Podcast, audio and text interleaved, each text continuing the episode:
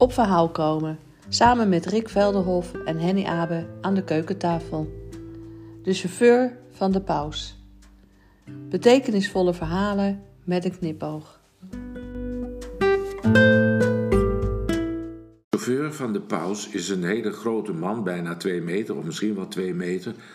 En eh, met een nogal dubieus verleden komen we achter in het, eh, in het verhaal. En die man die is zo sterk, die kan een oude kerkbank in één keer doormidden slaan met zijn hand. Karateklap. Uh, hij helpt de paus, geeft de paus een arm als de paus moet uitstappen. Houdt de portier voor hem open. Maar als de paus alleen is in de auto, dus niet met een kardinaal of een andere hoogwaardigheidsbekleder, maar alleen, dan vindt de paus het prettig als het, uh, het raampje wordt opengeschoven tussen de chauffeur en de gasten achterin.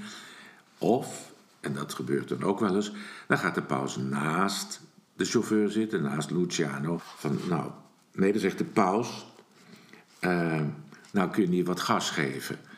Hè, want ik hou van hard rijden. Zal ik dat stukje voorlezen met, en Ja. daarna... Ik zie nu al een grijns op je gezicht. Nou ja, ik Het jongetje. ja, dus...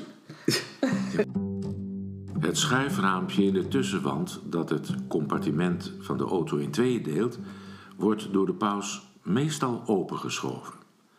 Tenzij er op de achterbank vertrouwelijke gesprekken worden gevoerd. Soms, buiten Rome, schuift de Heilige Vader naast Carlo op de passagiersstoel. Dat converseert wat makkelijker.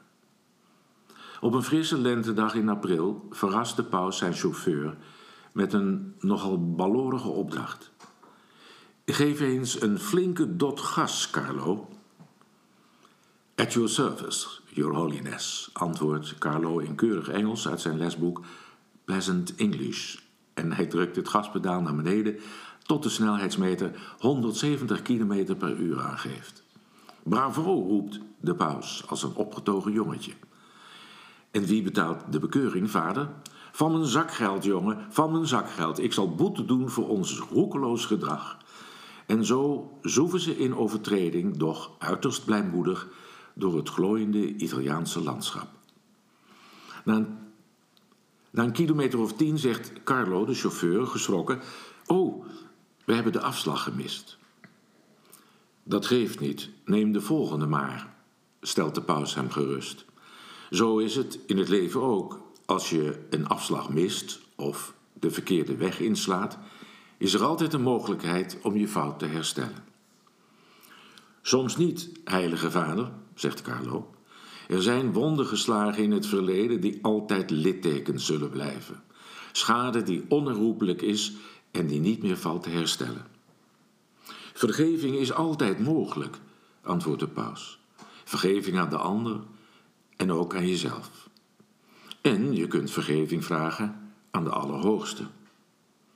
Carlo schudt zijn hoofd. Mag ik vrij uitspreken? Ga je gang. Als door jouw schuld het leven van anderen voorgoed aan scherven ligt, kun je niet wegkomen met een paar weesge groetjes of de terloopse vergeving van een pastoor. Carlo slaakt een diepe zucht.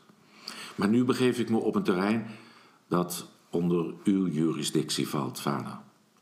Je hebt er goed over nagedacht, maar ik kan je verzekeren dat er altijd hoop is. En dat vergiffenis ons allemaal ten deel kan vallen. Ook als de zonden te zwaar zijn om te torsen? Spreek je uit ervaring? Carlo zwijgt. Zelfs dan, vervolgt de paus, als je berouw toont, inziet dat je slecht hebt gehandeld, is er zeker vergiffenis mogelijk. Every saint has a past and every sinner has a future. Dat is een wijze uitspraak van Oscar Wilde. De voetballer? Nee, die andere.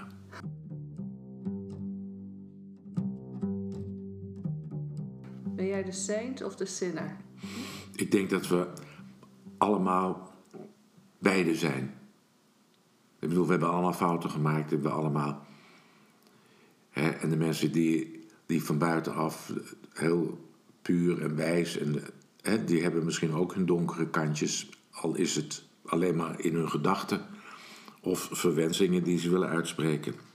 Kijk, als wij terecht zouden staan voor onze gedachten en onze verwensingen, zou bijna het grootste deel van de bevolking eh, in de gevangenis zitten. Iedereen denkt wel eens iets van, nou, als ik die voor mijn bumper krijg, eh, dat soort gedachten of uitspraken. Schrik jij daarvan, van jezelf, als je dat soort gedachten... Nou, ik denk dat de, dat de mens een heel, eh, een, een heel breed toetsenbord heeft. En er zitten ook donkere toetsen in. En zware bromgeluiden. En ja, tonen die je eigenlijk niet wil horen. En waarvan je vindt dat ze ook niet bij je passen. Maar ze zitten wel in jouw toetsenbord ook. Hè, Het zijn ook octaven die bij jouw leven horen. En ja, maar dat is een gegeven. Kijk, in oorlogstijd worden mensen allemaal anders. Hè? Dan kan de meest pure man of vrouw kan in het verzet terechtkomen en eh, de tegenstander om zeep helpen. Wat natuurlijk heel veel is gebeurd ook. En dat verwacht je niet van jezelf, dat je iemand anders zou kunnen doden. Ja. Maar ik denk, in de basis, in de oergrond van onze persoonlijkheid, zitten zaadjes, als die tot wasdom komen, dan kunnen het wel giftige bloemen zijn. Mooi, dank. Voor je openhartigheid en je kwetsbaarheid. Ehm, zoals ook in dit verhaal, ehm, je kan soms een afslag missen. En ehm het geeft niet, want je kan ook daardoor weer op een ander pad komen. Heb jij wel eens een afslag gemist in je leven, als je nu zo terugkijkt? Ja, ik had wel het gevoel dat ik een afslag miste toen ik besloot om geen medicijnen te gaan studeren, geen geneeskunde te gaan studeren. Terwijl dat wel het plan was van eh, hè, mijn hele jeugd. Daar was ook mijn keuze op gebaseerd voor HBSB, wiskunde, natuurkunde, scheikunde kant. Terwijl ik daar absoluut, maar dan ook absoluut geen enkele aanleg voor heb en ook absoluut geen enkele interesse in heb. Ik vul mijn hoofd liever met poëzie, met muziek, met mooie spreuken, met eh, filosofie, dan met eh, formules. Ja. En Maar was het dan ook wel jouw pad? Of was het een bedacht pad voor jou? beide. Het was in eerste instantie eh, een bedacht pad. In de wieg riep mijn oma al, nou, deze wordt dus arts. Ik werd niet eens bij naam genoemd, maar deze wordt dus arts. En dat had te maken met dat in haar familie, in mijn moeders familie, waren de meeste jongens allemaal arts. Ja, dat hoorde bij de familie. En er zijn er heel veel vermoord in de Tweede Wereldoorlog. En ja, ik was eigenlijk het enige jongetje van die lijn die nog eh, eh, overeind was gebleven. Of in ieder geval in een wieg terecht was gekomen. Dus vonden zij dat ik die traditie moest voor- voortzetten. En eigenlijk ook een eerbetoon aan hele verre ja, loten aan de familieboom. En dus dat was wel een soort van druk. Van, wij, ik had weinig keus eigenlijk. En ik wilde mijn, mijn, mijn, mijn moeder, mijn grootmoeder ook wel pleasen. Dus die keuze was ingegeven door, eh, door, de, ja, door het gezin eigenlijk. En ik had er ook wel zin in, want ik, ik zag het al voor me. Ik wilde naar de troop, ik wilde wel zendingsarts worden, want dat vond ik ook mooi. Dan kon ik verhalen vertellen, kon ik zondag spreken. Ik kreeg een wit uniform, dat sprak me ook wel heel erg aan. En dan onder de palmbomen, nou, dat, had ik van het begin van mijn leven ook al op mijn verlanglijstje staan. Veel palmbomen om me heen. Dat, dat is goed. En dat ging toen niet door. En dat was wel een afslag waarvan ik dacht, oei, die, eh, die komt nooit meer terug. Die, die, die weg is afgesloten. En toen kwam er een, eh, ja, een soort van vacuüm. Wat, wat nu dan? En toen werd ik eigenlijk in dat vacuüm eh, gered. Door een vriend van mijn vader. Die zei van, eh, en die werkte bij de radio. Die zei, ik heb een jonge jongensstem nodig voor een, voor een kindervertelling. Een bijbelse kindervertelling. Zou jij dat niet willen doen? Want de acteur die we daarvoor hebben gevraagd, die is ziek geworden. En we moeten deze week al beginnen met de opname. En toen dacht ik, nou dat vind ik wel leuk. Ja, zit je verdient ermee. En eh, het is, ik dacht, dat vind ik leuk om te doen. En dat heb ik toen gedaan. Ook eigenlijk als een soort van eh, revanche naar mijn vader toe. Want mijn vader vond dat ik niet goed gearticuleerd sprak. En dat ik mijn woorden, sommige woorden of delen van zinnen wegslikte. Ik denk, nou, ik zal je wat laten zien dan. Of laten horen eigenlijk. En toen heb ik een proef gedaan. Toen werd ik aangenomen. En van die verhalen vertellen ben ik gevraagd om omroeper te worden bij de radio. En dat ben ik gaan doen. En ik had er zo'n plezier in. En toen mocht ik ook programma's verzinnen en maken. En daar werd ik heel erg gelukkig van. En toen dacht ik, ja, dit is het. Dit is eigenlijk wat ik wil. Dus dit is jouw purpose. Dat was mijn purpose, ja. ja. Mooie verhalen vertellen. Of dat nou is verzonnen verhalen of echte verhalen van mensen. Portretten maken van mensen. Later ook bij de televisie hebben we de, de Stoel gemaakt. En de Stoel was een programma waarin bijzondere mensen hun verhaal mochten vertellen, hun levensverhalen. Het zijn mensen die niet het, het uh, gebaande pad volgen, maar hun eigen pad volgen. En dat is natuurlijk heel erg mooi. Dat je niet in andermans, maar in je eigen gareel kunt lopen. En veel mensen lopen nog in andermans gareel. Het zijn de regels van de kerk, het zijn de regels van het gezin, het zijn de regels van je baas, het zijn de regels van kantoor, het zijn de regels van de militaire dienst.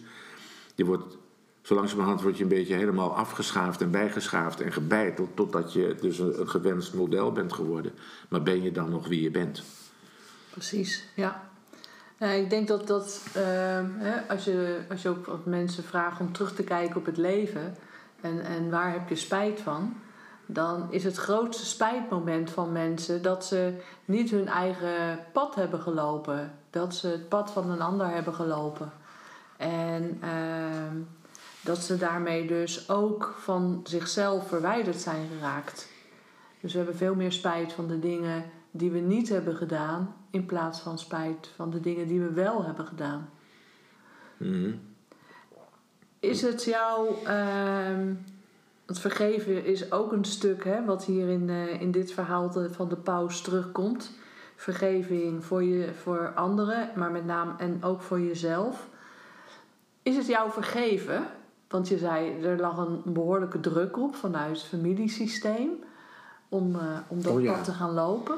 Ja, het is me zeker vergeven. Ik denk dat ik die, die, die keuze zwaarder heb gevoeld en serieuzer heb genomen dan dat het de bedoeling was van mijn oma en mijn moeder om dat als een zware ja, verplichting, verwachting op mijn schouders te leggen. Nee, toen ik helemaal hiermee bezig was, is daar bijna ja, eigenlijk nooit meer over gesproken. En zeker niet toen ik ook programma's met medische onderwerpen ging, uh, ging bespreken of ging presenteren. Eh, 15 jaar plein publiek en het waren altijd uh, sociaal-maatschappelijke onderwerpen, heel actuele onderwerpen. Maar het ging ook vaak over ziektes en over. Dus ik had te maken met artsen, eh, voorgesprekken met artsen. Eh, het ging over psychologie. Ik stelde medische vragen. In feite was ik een soort huisarts voor de microfoon geworden. Hè? Die, en uh, dus ook dat stukje heb ik nog een beetje kunnen inlopen. En ik ben broeder geweest in een, in, een, in een ziekenhuis een paar weken als vakantiebaan. Dus die witte jas heb ik ook wel aangehad. Begrijp je, om mijn oma te kunnen laten zien. Ja. Hè? en, en jezelf? Hoe bedoel je jezelf? Vergeving aan jezelf. Vind je dat je alles eruit hebt gehaald? Nou ja, ik heb niet het gevoel dat ik mezelf veel hoef te vergeven. Ja, Soms ben je misschien iets te bruut geweest in het afscheid nemen hè, binnen een vriendschap, binnen een relatie. Eh, dat zou kunnen. Maar ja, ik moet heel lang denken voordat ik een, uh, een aangename zonde naar boven kan uh, tillen die om vergeving roept. Je hoeft hier niet te biechten. Nee, ik hoef niet. Nee, maar het is meer ook het thema. Ik, ik merk als ik met mensen rondom het thema vergeving uh, werk, ja. dat heel veel mensen uh, dan het uh, denken over vergeving van de ander. En daar soms ook niet bij kunnen komen, omdat iets wat hen is aangedaan heel groot is en heel kwalijk en heel pijnlijk. Ehm, dus daar ook bijna niet naartoe kunnen van ik zal het die ander nooit vergeven. Ehm, en wat ik probeer is, kan je het jezelf vergeven? Want wat er vaak gebeurt is als we dat niet doen, is dat we een slachtoffer blijven van de situatie. Ja. Nou, ik denk best dat ik aardig ben voor mezelf en niet eh, dat ik mezelf niet te zwaar dingen aanreken. En als ik dat wel doe, dan neem ik er de tijd voor om, uh, om daar schoon schip mee te maken. Maar nee, ik, ik denk dat ik een zondagskind ben. Hoewel zondag niet mijn meest favoriete dag is. Maar ik ben een zondagskind omdat de, uh, ik heb de kans heb gekregen om toch wel te kunnen bloeien zoals ik bedoeld was. En dat ik daar heel blij van werd en nog steeds, en zeker met voldoening kan terugkijken naar al die mooie jaren. Dus ik ben voor uh, de praktijk van een psycholoog ben ik, uh, ben ik niet zo interessant dat er enorm grote obstakels uh, te overwinnen zijn, denk ik. Ja, ik, er zit, moet wel altijd bij mij iets, iets bemoedigends ook in zitten. dat het niet alleen maar zwart, zwart, zwart is. Nee, het is niet zwart. En in, in die zwarte periodes kun je ook ja, op een leuke manier struikelen over je eigen voeten. Waardoor er weer een beetje humor en een beetje lucht komt. En dan ga je maar verder. Dan maar een beetje struikelend of desnoods op je knieën. Maar om de volgende bocht schijnt misschien de zon weer. En als je blijft zitten, gebeurt er niks. Dan blijf je in die regen of in die natte sneeuw hangen. Dat is ook niet prettig. Dus ga door. Hoe lang ga je nog door, Rick? Op mijn knieën of struikelen bedoel je? ik weet niet waar, waar, je nu staat. ik weet het niet. Ik weet het niet. Het, hangt er vanaf of, uh, ja, of je gezondheid in orde blijft. Maar dat geldt voor elke leeftijd natuurlijk. Want ja, ziekte is niet alleen gekoppeld aan ouderdom. Dat is. Uh, ziekte discrimineert niet. Ik vond het wel mooi zoals die chauffeur achteruit kijkt in het spiegeltje of er geen blauw zwaailicht opdoemt. En uh, dan zegt de paus van ja, je kunt ook in de achteruitkijkspiegel van je leven kijken en de weg overzien die je bent gegaan. de afslag en de afslagen die je hebt gemist, de hobbels, de scheuren in het asfalt maar ook de velden met zonnebloemen, de wijngaarden met volle ranken, de rivieren die je hebt overgestoken, de bossen, de besneeuwde bergen, de seizoenen. Alles bij elkaar een indrukwekkend schilderij. Het schilderij van jouw leven, met jouw kleuren, jouw fouten, je successen, je passies en je kwetsbaarheid. Dank Rick dat jij een kijkje in jouw schilderij van jouw leven hebt gedeeld met, uh, met mij en hiermee ook met uh, andere mensen. En uh, prachtig verhaal. Dank je.